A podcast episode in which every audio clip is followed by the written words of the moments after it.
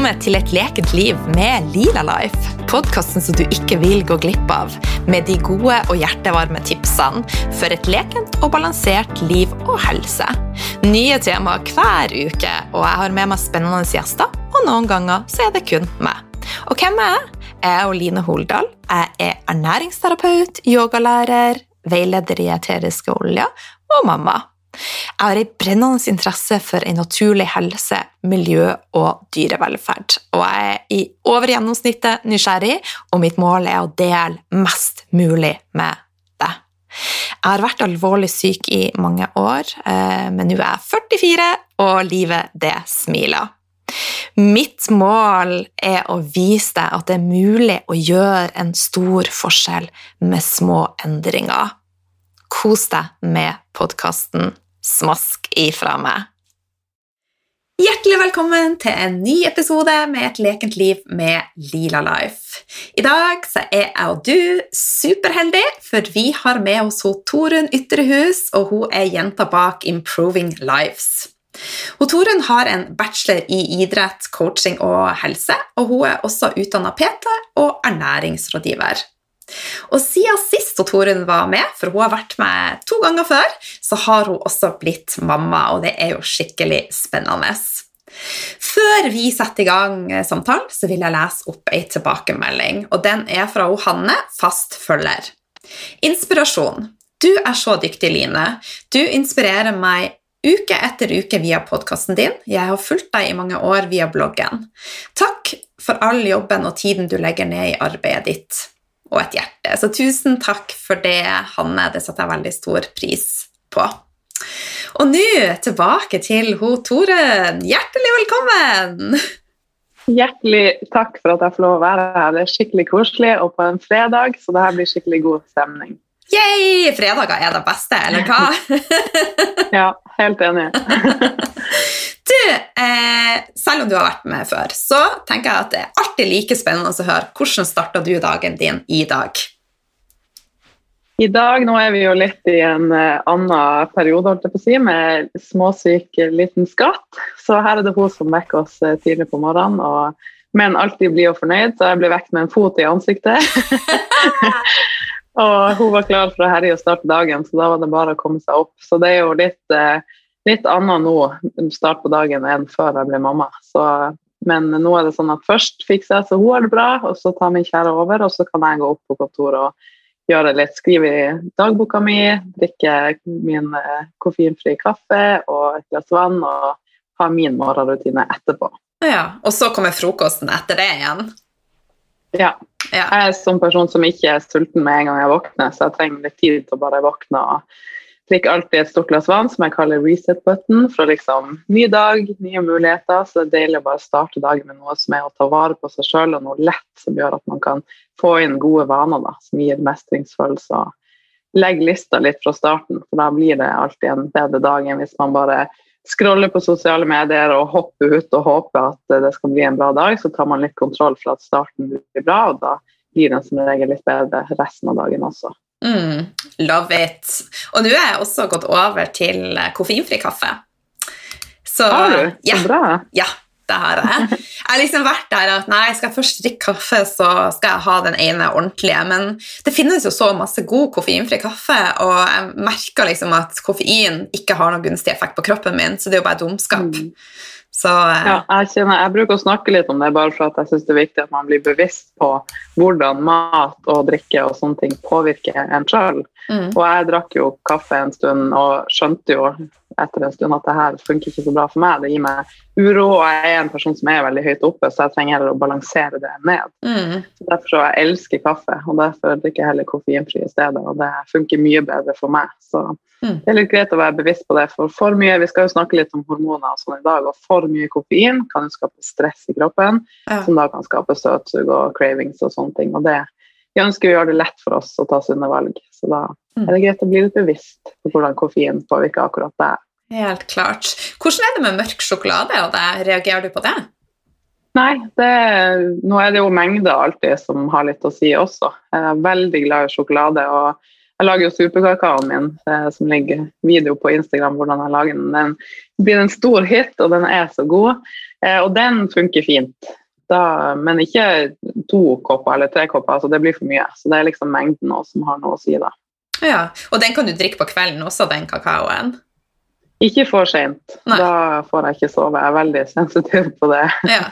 Det er også erfar, erfarer. Så for to kvelder siden så spiste jeg litt mørk sjokolade på kvelden, og det er nok til å forstørre eh, nattesøvnen min, da. Så ja. Eh, men tilbake til den kakaoen. Den ser jo eh, utrolig god ut. Du har daddel i som du rett og slett eksploderer inn i kakaoen. ja. For jeg elsker liksom å drikke ting som ja. smaker magisk, og gjør, inneholder masse næring som gjør kroppen glad. Og Derfor så prøvde jeg å eksperimentere litt, og Kalon-kanel er jo supergodt. Eller Ceylon, mamma sier at jeg sier det feil hele tida, men i hvert fall eh, ordentlig kanel er jo med på å stabilisere blodsukkeret også, og det syns jeg er veldig godt å ha i. Og så har jeg litt salt, for jeg føler at det får opp eh, sjokoladesmaken litt mer. Og så har jeg i havremelk og litt stevia-dråper, og så først varmer jeg opp det forsiktig med råkakao. Og så tar jeg det i en blender med én til to dadler etterpå. Og da blir den litt sånn tjukk og creamy, og det blir sånn godt skum på toppen. Og nå følte jeg solgte den inn veldig. Men uh, den er så god, og det er jo propper med næring. Altså Råkakao er jo så sunt. Sånn at uh, Da kan man uh, ha sjokolade ofte som også gjør kroppen hoppende glad. Så det liker jeg. mm, den må jeg teste ut. Den høres jo veldig god, ja. god. Men den blir ikke for søt med alt det dadlene? Nei, det er derfor jeg tenker at det er viktig å tilpå Jeg elsker jo ting som er søtt, men man trenger ikke de steviadråpene da, og så kan man prøve med én daddel, sånn at det ikke blir for søtt. Ja. Så det er å tilpasse, så du får den søtsmaken du liker, da. Ja. ja men jeg skal virkelig eh, teste ut. Det gleder jeg meg til. Men du, siden sist du var med, så har det jo skjedd store endringer i livet ditt. Du er blitt mamma. Fortell oss litt om hvordan det er, og hvordan det har vært. Ja, det er jo noe av det største som kan skje. Det er jo virkelig livet før og etter, føler jeg. Og det har snudd eh, mer opp ned på ting enn jeg trodde. Eh, jeg har liksom aldri vært en person som har eh, tenkt at jeg skal gifte meg og få barn. Jeg har vært litt mer sånn rebell og gått min egen vei og tenkt mer at hvis det føles riktig en gang, så skjer det. Men så jeg ble jo voksen, nei, mamma i moden alder, som du sa sist.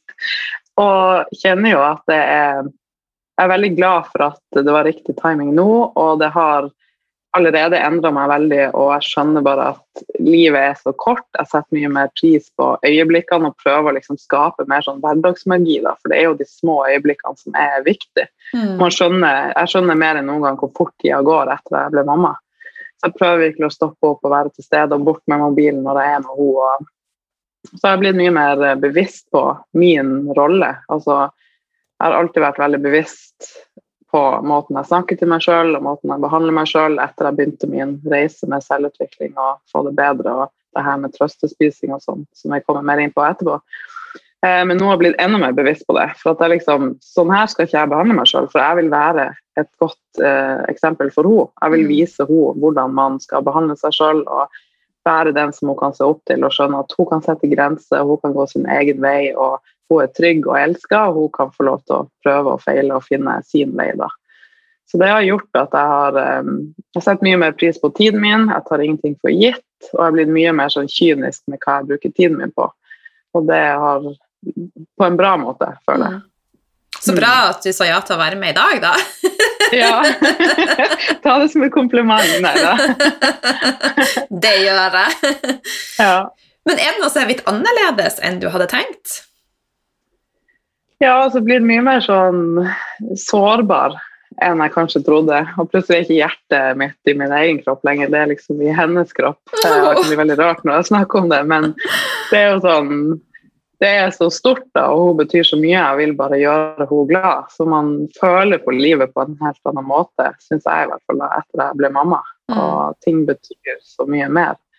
Eh, og så har det jo vært altså, det, er jo ikke, en solskinnshistorie. Eh, altså, det har jo vært tøft. og spesielt i starten. Alt var nytt og skummelt, og det er masse hormoner. og Det er liksom en sånn uro som alltid er der. Så man skal liksom jobbe litt med seg sjøl og lande litt i den rollen og finne en ny måte å leve på. Mm. Så det krever ganske mye ekstra. Så jeg har jo kjent på det at det har vært, vært mye i år, men jeg tenker at eh, så lenge man tar det riktig og bare er snill med seg sjøl underveis og ikke setter lista så høyt for andre ting, så er det så mye bra læring og utvikling i den prosessen. Mm. Altså, du er jo gründer som meg, da, og hvordan har det vært å balansere det å være eh, nybakt mamma og, og gründer? Har du klart det fint? Både ja og nei, og det er jo ikke lett. Vi har jo i tillegg gått i den fella som mange gjør, med at vi skulle pusse opp hus samtidig, og jeg skulle være med i mastermind, og jeg skulle lage nytt kurs og utvikle masse i bedriften min. og det er liksom, En god venn av meg, Thomas Moen, sa det at det er klassisk sånn eh, mammaperm-behavior. At nå skal man endre på alt, og ting skal bli nytt. Så det var litt mye på en gang her i sommer, kjente jeg. Um, så det er jo det å før jeg fikk barn, så trodde jeg kanskje litt naivt at ja, dere sier det er slitsomt, men man får jo litt tid her og der, men man gjør jo ikke det. og det er noen ganger at jeg liksom prøver å jobbe samtidig på mobilen, men det er jo liksom bare å, ja. bare å glemme det. Så det er viktig å liksom sette av tid til at nå skal jeg jobbe, og nå skal jeg være med og ikke jobbe. Mm. Så det er en, hele tida en prosess, tenker jeg, eh, med å liksom balansere det. Og så blir det jo en ny hverdag når hun skal i barnehage til neste år. Og så, da vil jeg jo få litt mer tid til å jobbe og forhåpentligvis finne enda mer balanse og struktur og rutiner igjen. Da kommer det vel en baby så. til poppende? you never know. Med en gang man begynner å få litt overskudd, så bare Skal vi ikke få en baby til? Ja. Nå har vi det litt for bra. Nå må vi Jeg bare kjenner meg igjen. Det er sånn det bruker å være. Ja. Men du, eh, hvis du skulle gi noen gode råd til andre gravide, nybakte mødre, hva det, hva det ville være da? Eller hva, hva er rådet ditt? mm, det viktigste jeg vil, og det er jo mye av det jeg snakker om med kundene mine men det viktigste jeg vil si er å være snill med deg sjøl. Vi har en tendens til å være så hard med oss sjøl og legge lista så høyt. Og det er liksom Det er tøft å bli mamma, og det er så mye hormoner som ikke man helt har kontroll på heller. Når du begynner å amme, får du til å amme, når du skal slutte å amme. og ja, Det er så mye som skjer i kroppen, det, så det er så viktig å huske på det at det er en unik fase i livet. Og mm. ikke legge lista så høyt, og være snill med deg sjøl. Og be om hjelp og ta tida til hjelp. Jeg var nok litt for jeg, jeg, skulle få raskt tilbake til liksom, trening og jobb, og alt føltes liksom så bra. Og da etter hvert så kjente jeg jo mer og mer at energien ble lavere og lavere. At jeg ble liksom tvungen litt til å stoppe opp da, og kjenne etter. Hvordan vil jeg være som mamma, og hvordan har mm. livet endra seg. Mm. Så jeg tror det er kjempeviktig å være ekstra snill med seg sjøl i den fasen. og snakke med andre venninner som har fått barn, og bare sånn OK, det er òg normalt. OK, bra.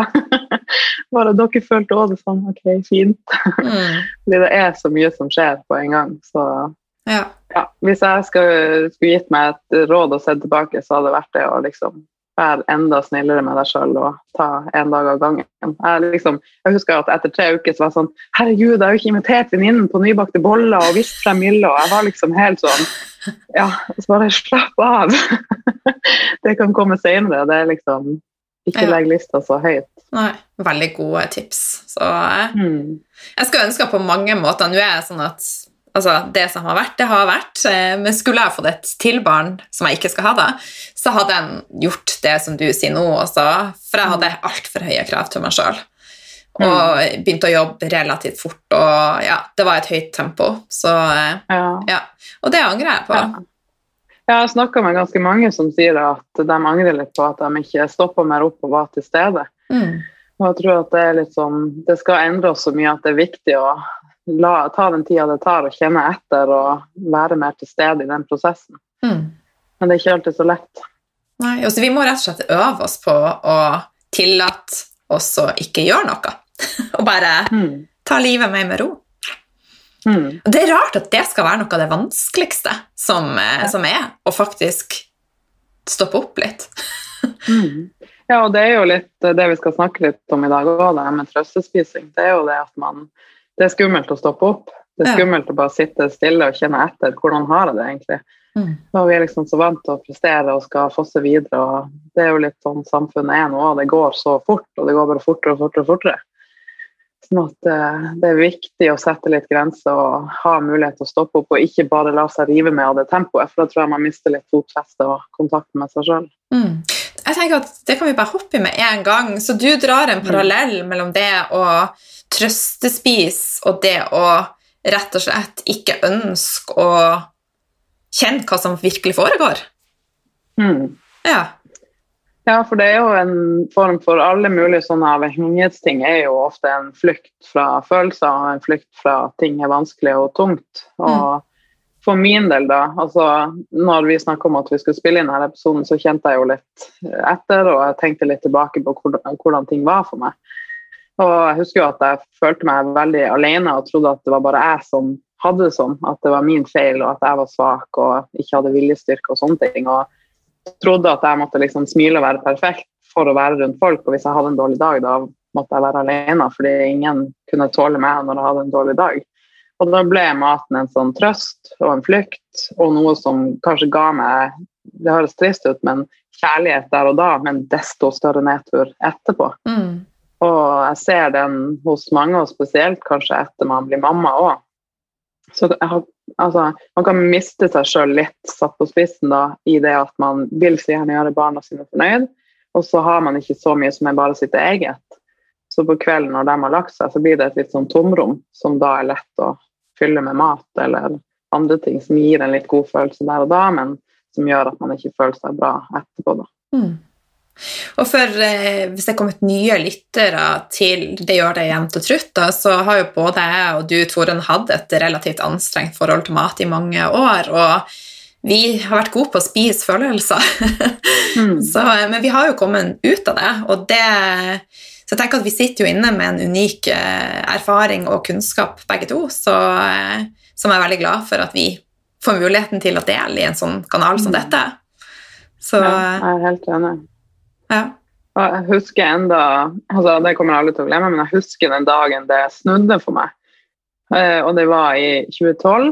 Og jeg hadde flytta Jobben min tidligere var å spille basket, så hadde jeg spilt mye i utlandet og liksom reist rundt i verden. og sånn sett ikke hatt så tette relasjoner heller, så det blir veldig lett å liksom ha det der skalkeskjulet med at ting var bra. Og så kom jeg hjem, og så kjente jeg jo at det her vil jeg ikke mer. Mm. Så jeg prøvde veldig på egen hånd. Jeg prøvde å skulle være streng og prøve nye dietter. og jeg skulle liksom, Nå skulle jeg klare det. Og husker en dag da ringte jeg og mamma. For da hadde jeg bare fått nok. Så jeg ringte og mamma og sa at nå må noe skje. Jeg går ikke ut døra av leiligheten min før noe endrer seg. Det var liksom sånn Nå er det nok. Nå må noe skje. Jeg må ha hjelp. Og da tok hun tak og ringte til noen som jeg fikk hjelp hos. Og jeg tror at ofte så kommer det til et punkt der du bare kjenner at det er nok. Og jeg mm. tror det er veldig viktig at du bestemmer deg for at du ikke vil tilbake dit. Du vil ha en endring. For da, hvis du ikke er mottagelig for hjelp, så er det ingen som kan hjelpe deg. Mens med en gang du åpner opp for det, så vil den hjelpa komme, og så vil du få det så mye bedre. Mm. Du trenger ikke å finne ut av det alene. Og da, da starta min reise med diverse hjelp for å komme hit jeg er i dag. Og det var jo mye av grunnen til at jeg ville starte Improve Lives. fordi jeg bare, det finnes en bedre måte. Jeg vil hjelpe andre med å få det bedre. Fordi jeg vet at det er en lettere og bedre måte å gjøre det på. Mm. Kan du gi noen konkrete ting som du endra da? Altså, hvordan starta du? Eh, det jeg starta med, var jo for det første å skape rom og tid for meg og det jeg trengte å jobbe med. da om det er terapi, eller om det er liksom en coach, eller hva det enn du føler er riktig for deg. Eh, og parallelt så tok jeg jo ernæringsstudie og lærte meg mer om hvordan kroppen funker, eh, og maten funker i kroppen vår, sånn at jeg liksom fikk plassert den skylden litt vekk. Bare, okay, det er ikke min feil hvis jeg får mye søtsug når jeg spiser mye raske karbohydrater. Det er kroppen som prøver å komme i balanse. Um, så jeg tror at det er viktig å Hva var spørsmålet ditt igjen? Eh, hvilke konkrete ting som du gjorde i ja. ja.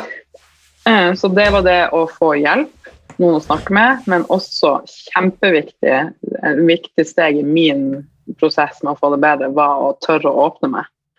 Så jeg torde å åpne meg mer til de rundt meg, fortalte hvordan jeg egentlig hadde det, og det gjorde at det ble ikke den eneste utveien lenger å skulle ty til mat. Jeg mm. følte meg mye sterk, sikkerhet til å stå imot det, og jeg kunne ringe venninne eller familien min i stedet og gråte, få ut følelsene mine, snakke om hva jeg følte og tenkte. Og det gjorde at behovet for mat sakte, men sikkert ble borte. Mm. Og det trodde jeg aldri skulle skje meg, fordi så sterkt var det før. At jeg trodde ikke at det var mulig. Jeg trodde at jeg måtte liksom leve med å klare å kjempe eller stå imot. Det var det eneste. liksom. Du må stå imot, ellers så klarer du ikke å stå imot. Men det behovet forsvinner faktisk når du er en spiser riktig og legger til rette for at du har et stabilt blodsukker og ikke cravings, men òg når du har andre strategier som du kan ta tak i i stedet, når du kjenner at det behovet kommer. da. Mm. Det er jo egentlig følelsene du trenger å jobbe med. Ja, absolutt. Jeg kjenner meg veldig igjen i det du sier. Så, og vi begge begynte å studere ernæring. Det er jo veldig spesielt. Eller det er jo artig at vi har hatt mm. veldig mye av det samme. Så eh, eh, Men vil du si i dag at du Altså For mange sier har du en gang et anstrengt forhold til mat og en spiseforstyrrelse, så har du det resten av livet. Vil mm. du si at, du, at det er tilbakelagt stadie, eller er du Ja. Eh, nei, det vil jeg ikke si, og jeg kjenner meg litt igjen i det. Men ofte når jeg hører det, så kan jeg tenke at folk kan bli litt sånn Å nei, må jeg ha det sånn her for alltid? Mm. Og nei, det må du ikke. Men jeg tror at på et eller annet plan for mange så vil det ligge der. Eh, og jeg kan fortsatt kjenne behovet for å ville trøstespise komme. Jeg kan kjenne på de følelsene. Mm. Nå er det sjeldnere, altså det er lengre mellomrom mellom hver gang. Men når det kommer, så blir jeg ikke redd, og jeg vet hva det prøver å fortelle meg. Da har jeg latt det gå for langt med at det, er, det har gått for lang tid uten at jeg har lytta til meg sjøl. Det har gått for lang tid uten at jeg har tatt vare på meg sjøl. Og da kommer det behovet for at jeg egentlig ikke er helt der jeg vil være. Det har vært for mye stress. Og, og da skjønner jeg at ok, nå må jeg stoppe opp litt. Bort med mobil. Nå må jeg liksom skrive i dagboka mi, sette på rolig musikk, lage superkakao og tenne lys og kjenne etter. Hvordan har jeg det, hva trenger jeg egentlig nå? Ringe en venninne, gå en tur. altså liksom Sjekke inn. Fordi det er tegn på at noe er litt off. da. Mm.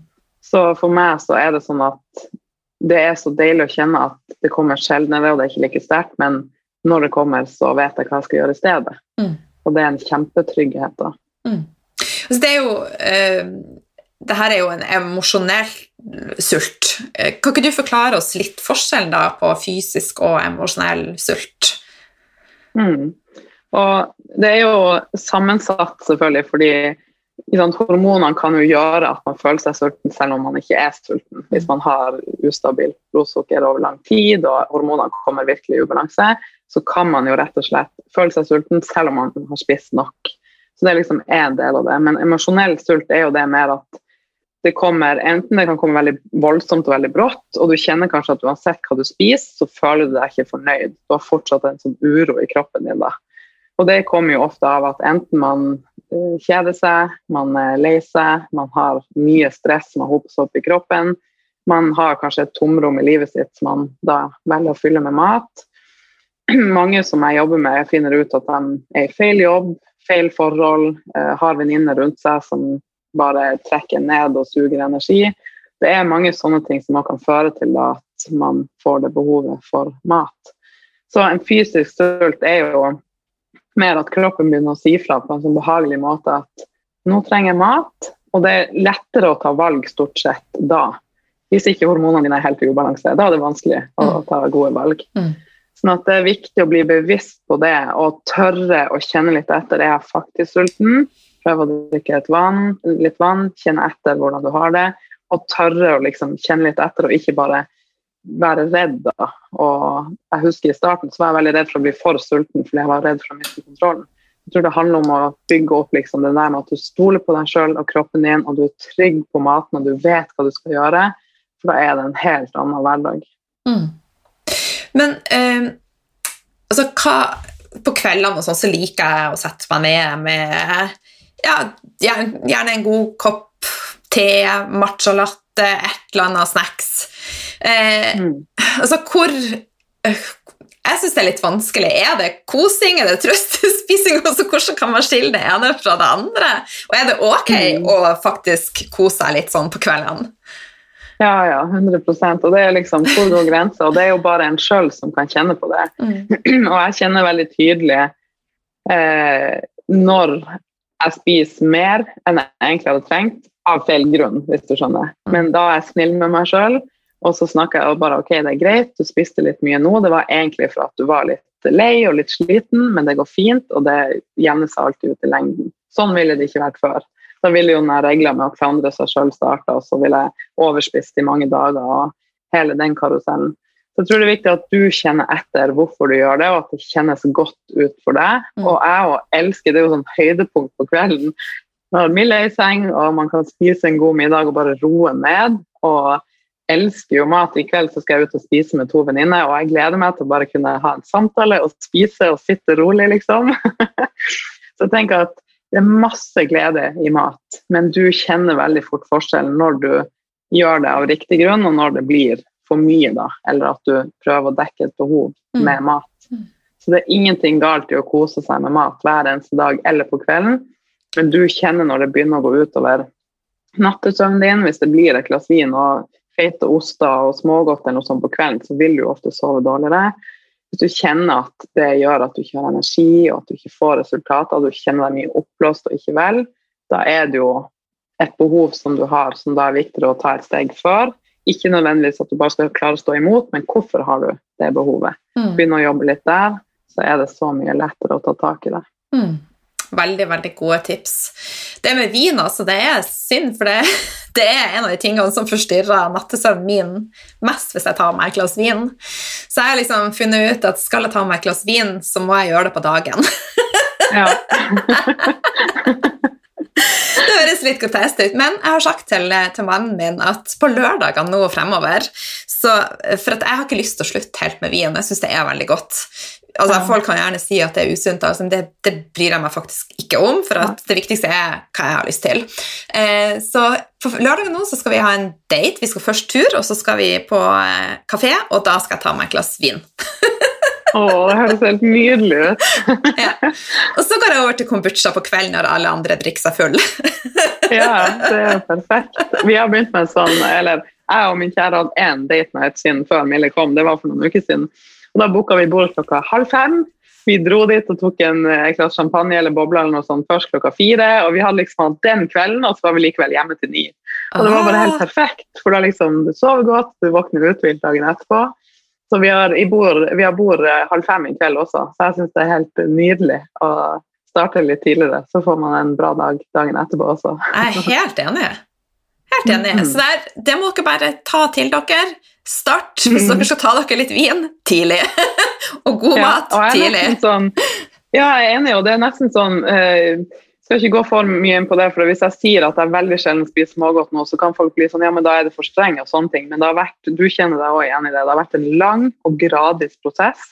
Og det eneste jeg har gjort hele veien siden jeg begynte å bli frisk eller få det bedre, eller hva man vil si, det å lytte til hva som gjør at jeg føler meg bra. Mm. Smågodt. Etter hvert så skjønte jeg at jeg klarer ikke å Det blir for mye, får vondt i magen, sover dårlig, reagerer veldig på sukker, akkurat som jeg gjør på, med koffein.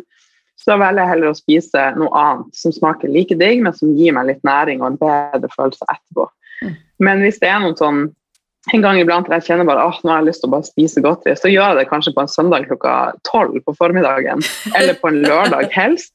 For da vet jeg at jeg kan spise sunt også søndagen, og så føler jeg meg bra på mandagen når uka starter, istedenfor at jeg spiser sent søndag, mm. sover dårlig og starter uka med en skikkelig sånn blæ-følelse. Så det er faktisk det å finne ut av når du kan kose deg med ting og du fortsatt føler deg bra etterpå. At det ikke går utover søvn og mm. godfølelsen, da, som jeg syns er kjempe, kjempeviktig.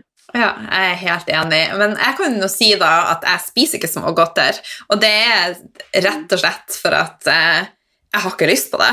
Og det er basert på de tingene du sier. Men jeg har funnet andre ting. Sånn som forrige helg, så ei kake som de har her i Bodø på Økohjørnet, som er med både kaffe og alt mulig. Så den tar jeg òg på lørdags formiddager.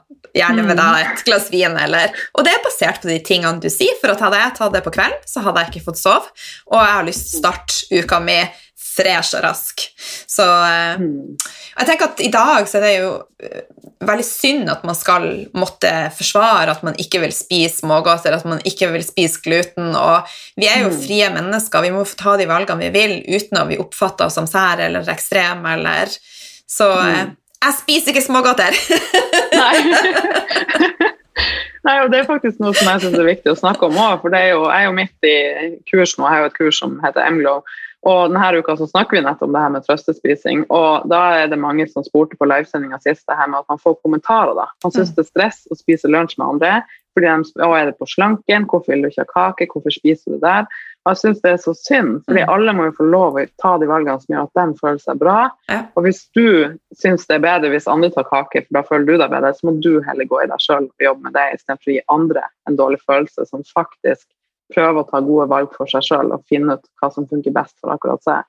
Så, så viktig. Vi, ja, det er så viktig. Vi må heie på hverandre og bygge hverandre opp, og ikke mm. liksom mm. putte vår egen dårlige samvittighet på andre eller skulle holde andre nede når de prøver å finne sin greie. da. Mm. Det er en sånn klassisk ting. Kan ikke du også ta kake? Da har vi det så mye artigere hvis vi alle spiser kake. ja. det var i hvert fall i min vennegjeng så var det sånn før. Og hvis ikke du drikker, så er det jo Det blir jo ikke artig. Mm. altså, det er jo så latterlig. Ja. Ja, sorry. At man får være fri hos seg sjøl, det er så viktig. Livet er for kort. Ja. Bare la alle få være seg sjøl og gjøre sin greie. Ja. Mm. ja. Ja.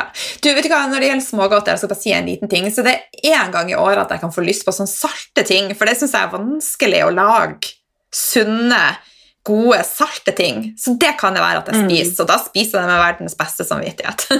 ja. ja. Ja, for det er òg en stor del av Du snakker jo liksom om hvordan man kan komme seg ut av et sånt mønster. da. Mm. Men en stor del av det er jo også å øve seg på å kjenne etter. Når har du virkelig lyst på noe?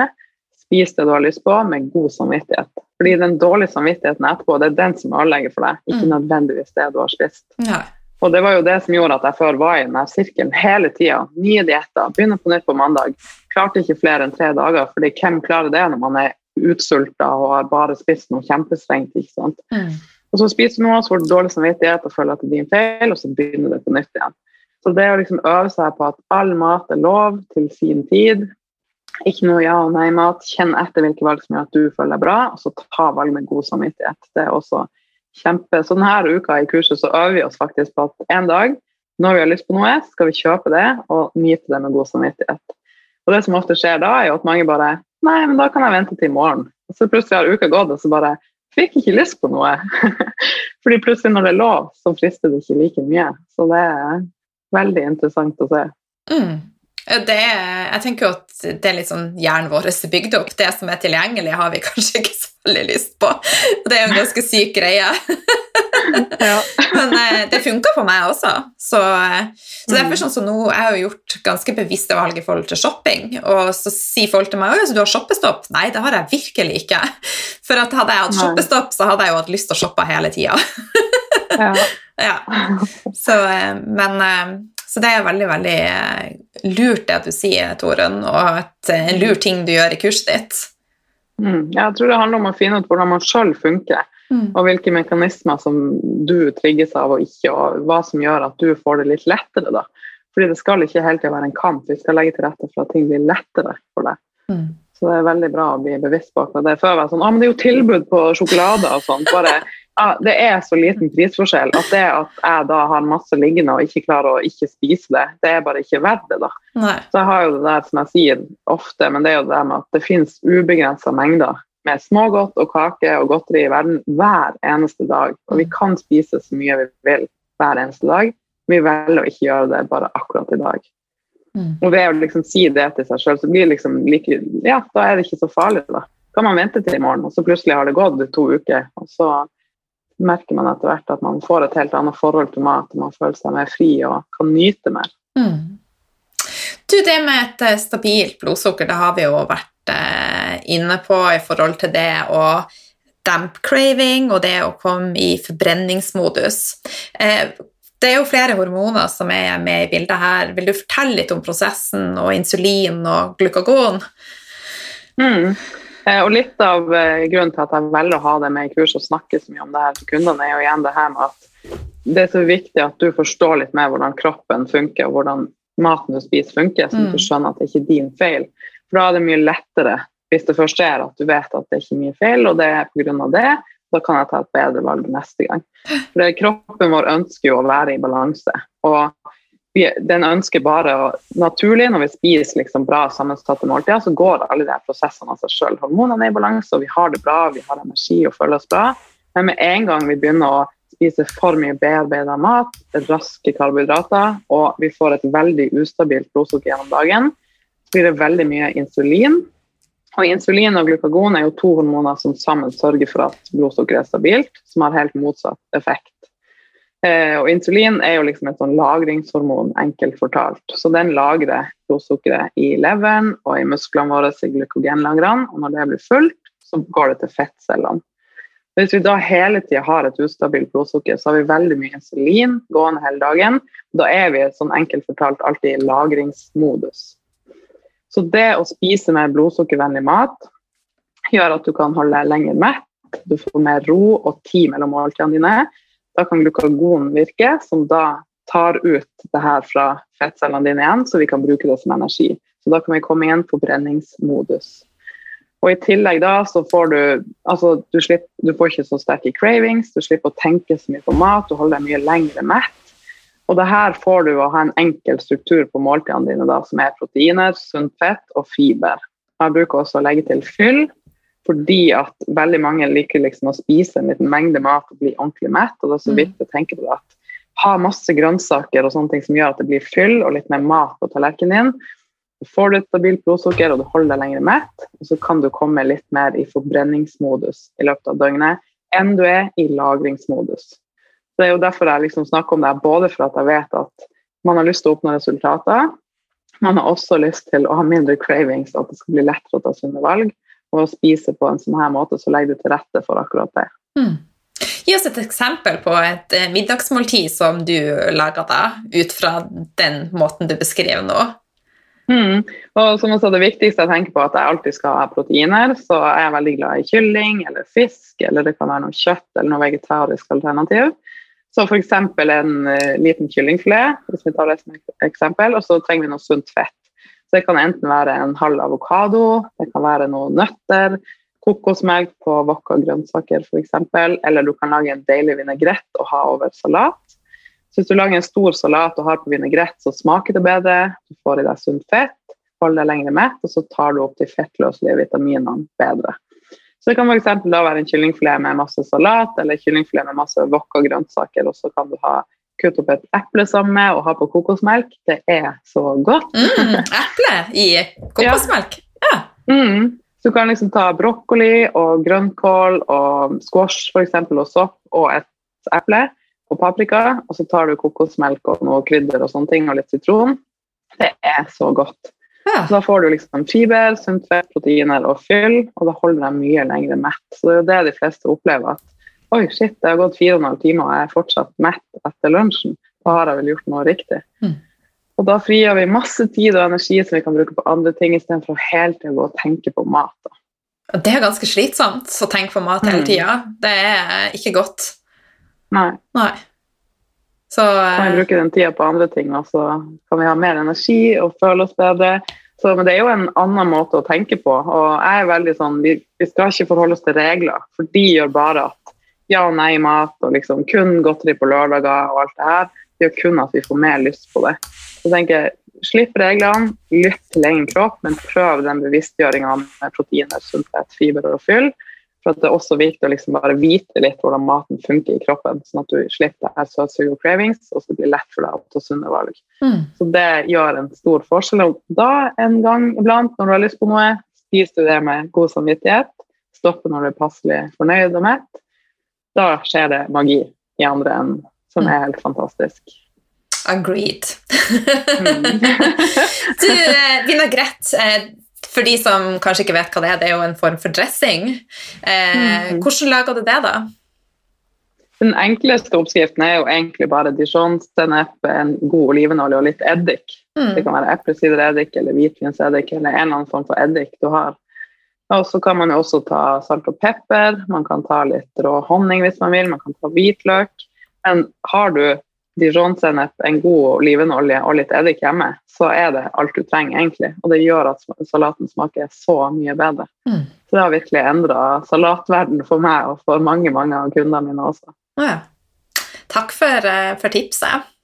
Mm. Du, eh, jeg var jo med på webinar som du hadde for ikke så altfor lenge siden. og Da snakka du om at 40% av lykke er trenbart. hva mener du med det, og hvordan? Forklar. ja, ja, gi oss mer lykke. ja, det, forskning viser at 50 eh, av lykken vår kommer liksom fra genene våre. da. Og så er 10% er basert på ting som skjer i livet vårt. Mm. Uh, og så er 40% har vi mulighet til å trene opp eller endre. da. Og ved å bli bevisst på det, det er jo en ganske stor del av lykken vår da, som vi har mulighet til å påvirke mm. sjøl. Og det er jo en fantastisk uh, følelse, bare det. Og det er jo de her nervebanene i hjernen som er liksom Ofte så har vi sånn ubevisste mønster som går på autopilot. Uh, F.eks. når du ser deg i speilet, så sier du et eller annet ubevisst, og det er oftest ikke så veldig hyggelig. Hvis du våkner hver morgen som jeg sa i sted, og bare scroller og sammenligner deg med andre, og så er du litt sånn lav på energi når du starter dagen din, kontra da at du starter dagen din med å tenke hva du gleder deg til, noe du er takknemlig for, eh, noe mål du har lyst til å oppnå, eller et eller annet liksom, skap det til din tid, der du tenker gjennom noen få ting som er positivt, så vil de her nervebanene i hjernen din endre seg. og Etter hvert vil du da tenke mer positivt, se, oppdage mer positive ting, for at hjernen din tenker på en litt annen måte. Så det å starte dagen med det, liksom, bare ta noen få minutter, tenk gjennom tre ting du er takknemlig for, eller tre ting du gleder deg til med dagen i dag, eller tre ting som var bra med dagen i går. Hvis du gjør det ofte og prøver å gjøre det hver dag, så vil du etter hvert merke at du tenker mer positivt. Og når vi gjør det, så skjer det jo også mer magiske ting rundt oss automatisk. Fordi vi er liksom på en annen frekvens og har en annen energi, da. Mm. Ja. En eller annen gang så skal vi prate om eh, Jeg hører jo veldig mye på Sahara Rose. De her ja. frekvensene 3D, 4G, 5G. Har du hørt om det? det ja, ja. Jeg tror ikke vi skal gå inn på det nå, men det er veldig spennende. ja, da, jeg elsker det der. Ja, og da er det ikke mobilnett vi prater om, det er rett og slett eh, human frekvens, altså hvilken frekvens vi er på. Mm. Veldig spennende. Mm. Jeg syns det er veldig spennende. Jeg syns det er litt sånn frigjørende også. For jeg tenker Ofte så er vi litt sånn i vår egen boble. og Bare det å gå seg en tur i naturen og se rundt seg Man skjønner at det her er større enn bare meg. Så noen av de små problemene man kan sitte med, mm. og ting man er redd for om man sa noe dumt i går, eller redd for hva noen syns om det, altså det er liksom ikke viktig. Nei. Så det er så bra å få et litt sånn større perspektiv på ting, sånn at man luker seg litt opp av de her små tingene man ofte kan henge seg opp i. da. Mm. Sånn f.eks. at jeg akkurat nå før vi starta sendte ut en mail feil til 6000 mennesker. Det er jo egentlig bare en liten bagatell. ja, det er det. Men det kan føles helt forferdelig der og da. Så, jeg, Så deilig at vi kunne snakke om det og flire. flire ja. Så jeg skal ut i naturen og se det store bildet etterpå, tenker jeg. Så ta på meg regnklær og komme meg ut. ja, Hvis jeg kan gjøre saken bedre for deg, så det som skjedde i fjor, var at jeg skulle sende det var noen i teamet mitt jeg skal ikke henge ut noen, det gikk helt fint. Hun skulle sende ut en mail til én person, sendte den ut til 30 000 personer. Så det føler jeg at det er verre enn det du gjorde i dag. Så det går fint. ok, det, det, det, det hjalp. ja, bra. Du, eh, nå har vi jo vært innom masse forskjellig, og jeg har personlig fått masse gode tips. Helt på tampen, har du noe du vil tilføye? Altså, jeg føler jo at vi får snakka om kjempemye bra og viktig, men jeg tenker det er ekstra viktig nå i år. Litt der og samme, og Man kan bli sittende med sine egne ting og føle at man er alene, og at det er sjøl sin feil at man ikke gjør det bra. og alt det her. Nå er vi jo ikke så mye rundt andre mennesker, vi, så, vi får ikke klemme så mye og har ikke så mye sosialt eh, som vi kanskje bruker å ha. Da. Og da er det desto viktigere å mm. liksom, komme seg ut, få frisk luft, ringe noen du er glad i hvis du ser noen på gata to meter unna, gi den et kompliment. Hvis du tenker noe fint om den, prøv å skape den menneskelige kontakten litt oftere. Fordi Hvis vi ikke har den, så er det lett at vi kan bli litt sånn mørkt til sinns. Jeg har kjent på det sjøl kan, de små problemene man kanskje har, blir mye større, og man føler litt at man og Spesielt nå når det er mørketid også. Mm. Jeg tenker Det er ekstra viktig å bruke de mulighetene man har til å Bare det her ga meg masse energi å få se deg på skjermen og snakke med deg. Så gjør mer av det. For det, vi er alle mennesker, og vi føler ting, og vi gjør feil. og det er lov. Vi må få lov til å være mennesker. og det, Ofte så er vi så strenge med oss sjøl og har så høye krav, men vi er mennesker, og det er godt nok, og vi gjør så godt vi kan. Så jeg vil sende bare masse god energi til alle som hører på denne episoden. Og bare du er ikke alene, og ring noen, eller be om hjelp, eller hvis du bare trenger en liten boost, ta en virtuell kaffe eller et glass vin med venninne, for det gjør så mye. Mm. Og ta et glass vin og litt smågodt på lørdagsformiddag. ja. Dagens takeaway. ja. Yes. Eh, Toren, så glad for å, eh, å, ha deg med, og så gleder jeg meg supermye til å se deg i Oslo snart. Juhu! I like måte. Masse. Tusen takk. Takk.